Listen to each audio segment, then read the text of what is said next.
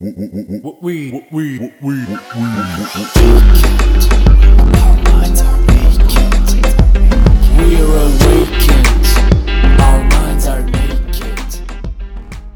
Pozdrav svima, ja sam Martina Đokić, a vi slušate podcast Mentalni nudista.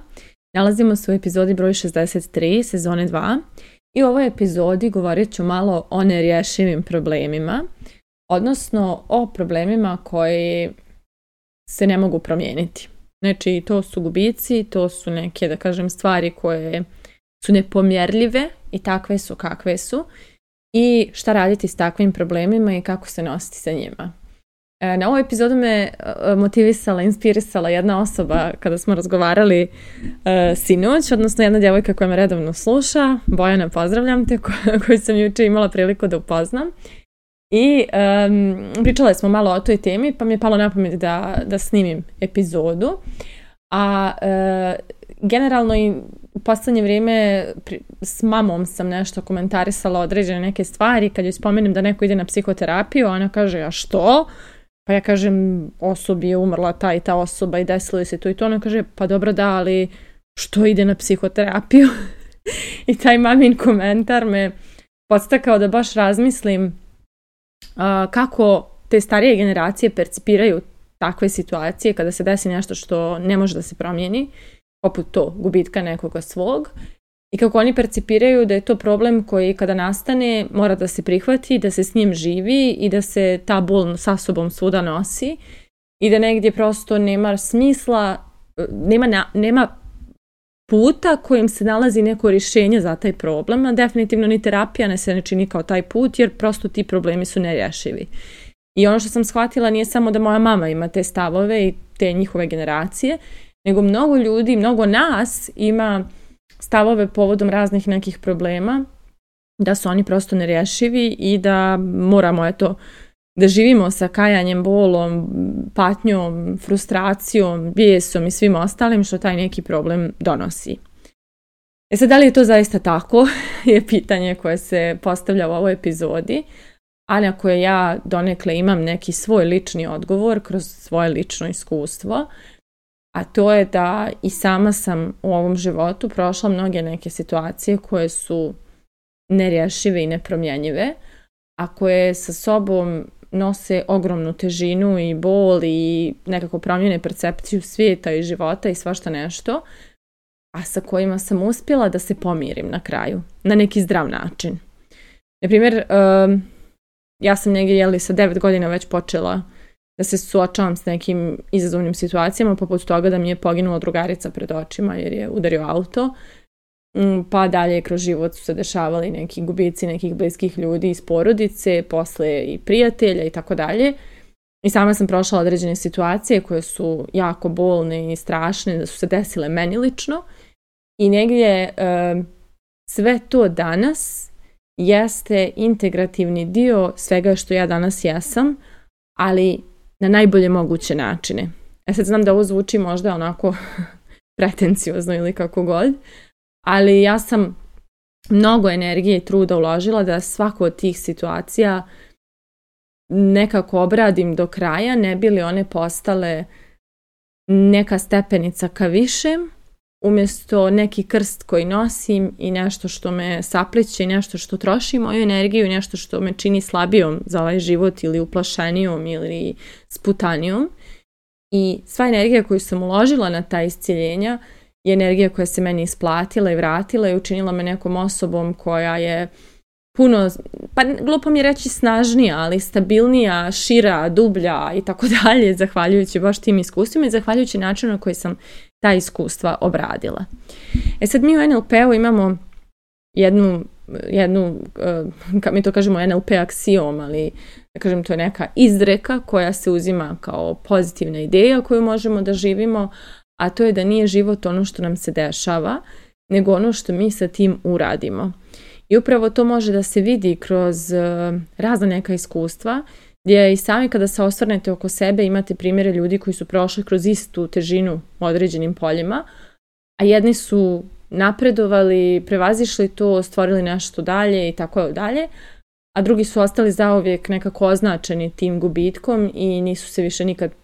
pomagli, pomakli naprijed ili nisu nikad više skupili snage da se pomjere naprijed i naprave nešto dalje sa svojim životom. I upravo o tome i govori ta izreka, da nije život to što se desi, nego to što mi sa tim učinimo. I upravo svijest da sa svim što se desi možemo nešto da učinimo je jako važna stavka u našem postojanju. Znači da, postoje problemi koji su nerješivi postoje gubici koji ne mogu da se vrate, postoje situacije koje su toliko strašne i bolne da ne vidi čovjek način kako da ih drugačije ispercipira, ali za sve navedeno postoje načini da se te stvari obrade do kraja i da im se negdje uspije dati neki smisao. Jer to je jedino što nam je ostalo da možemo da uradimo da bi nastavili da rastemo uprkos tome što se desilo, uprkos tim situacijama. I tako ja, kao neko ko je kroz svoje odrastanje prošao svašta i kao što rekoh više puta u ovom podcastu ima mnogo epizoda koje o tome govore, a i znam da mnogi od vas su prošli slične ili iste stvari i svi mi smo nešto prošli, ali ja sam od svih tih svojih težina napravila kapacitete koje nosim u sebi i napravila od sebe osobu koja sada podržava ljude da prevaziđu te stvari, jer ja imam te dubine i mogu to da razumijem kada se neko nađe u sličnoj situaciji ili nosi slične priče sa sobom, kako da od tih priča napravi svoju neku snagu, svoju neku moć i svoju neku misiju, kao što sam ja od svojih. Takođe, raznorazni gubici dragih ljudi koji su bolni i dan danas bole e, i neće nikad prestati da boli, uspjeli su u mojoj percepciji svijeta i života da postanu neke lekcije koje sam naučila iz tih gubitaka i čak i neke inspiracije da ovaj život živim malo bolje ili drugačije, baš zato što su mi te osobe pokazale da nema puno vremena ili da, da se nikad ne zna šta može da se desi. I negdje čak i zbog toga što tih ljudi više nema na ovom svijetu da se smiju, da pokažu svoju dušu, svoju energiju, svoje ideje i tako dalje, ja osjećam još veći poriv da ja to učinim pet puta više. Tako da to su neke percepcije koje su meni pomogle da i te stvari koje su, da kažem, uklesane u kamenu, uspijem na neki način da pretvorim u nešto što me inspiriše, ne mogu reći inspiriše, možda nije prava riječ, ali motiviše i pokreće i podsjeća uh, E, da stvari mogu da uradim bolje i da mogu da živim ovaj život prisutnije, fokusiranije, posvećenije svakom trenutku u kojem sam, jer zaista niko ne zna još koliko je trenutaka ostalo. Tako da negdje e, cijeli moj život je priča o tome da e, nije život ono što nam se dešava, nego ono što mi sa time učinimo i ono što sam ja činila sa svojim nerješivim problemima, nalazila sam način uz pomoć i terapeuta i koučeva i alata i tehnika i metoda i svih mogućih pravaca ličnog razvoja, ali nalazila sam načine da te svoje nerješive probleme sagledam malo drugačije i nađem ugao u kojem one imaju smisla. Jer to je sve što mi je ostalo zaista, naći smisao u tome I onda kada sam našla u svemu tome neku, neki smisao, neki ugao koji mi donosi mogućnost da zbog tog događaja ja porastem ili postanem samosvjesnija ili bolja verzija sebe na neki način, tada su ti nerješivi problemi prestali da troše svu moju životnu energiju i prestali su da budu krst koji nosim i težina koja me usporava i postali su gorivo koje me vozi za naprijed. I to je ono što svako od nas može da uradi, da prestane da sjedi u svojim nerješivim problemima, da prestane da se miri sa idejom da su ti problemi takvi, da će morati takvi da ostanu i da za njih nema rješenja i da za njih nema lijeka i da prosto život tako mora da funkcioniše i ono nepravedno je, teško je, nefer je Znači, da, to je jedna perspektiva, ali samo je važno razmisliti da li nam služi ta perspektiva. Da li gledajući stvari na taj način mi zaista uspjevamo da dobijemo iz ovog života neki maksimum koji može ovaj život da nam ponudi ili tim uglom mi sebi uništavamo svoju životnu energiju i čak i neke svoje buduće percepcije i ideje jer smo u strahu, jer smo negdje u traumi umjesto u nekoj novoj mudrosti koju nam naši nerešivi problemi mogu donijeti. Druga opcija je, kao što sam rekla, da od svega toga napravimo nešto nešto isplativo, da se tako izrazim čudno, ali nešto što mora dobiti neki smisao da bi moglo da se nastavi s tim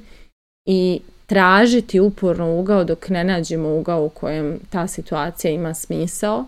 A da bi našli taj ugao potrebno je da se dobro pozabavimo iscijeljenjem te traume koje nam ta situacija donosi i onda da dođemo do prihvatanja, otpuštanja, to jest do prihvatanja i, i, i sagledavanja te situacije iz nekog novog ugla i uzimanja onoga što ta situacija ima da nam ponudi, a što može da, nam, da nas odvede na neki bolji nivo u životu. Tako da moje pitanje za kraj ove epizode je da li ste zaista povjerovali da su vaši nerješivi problemi potpuno nerješivi ili tražite ugao u kojem oni ipak imaju neki smisao i neki način da budu lakši. Mislite o tome, a mi se družimo u narednoj epizodi.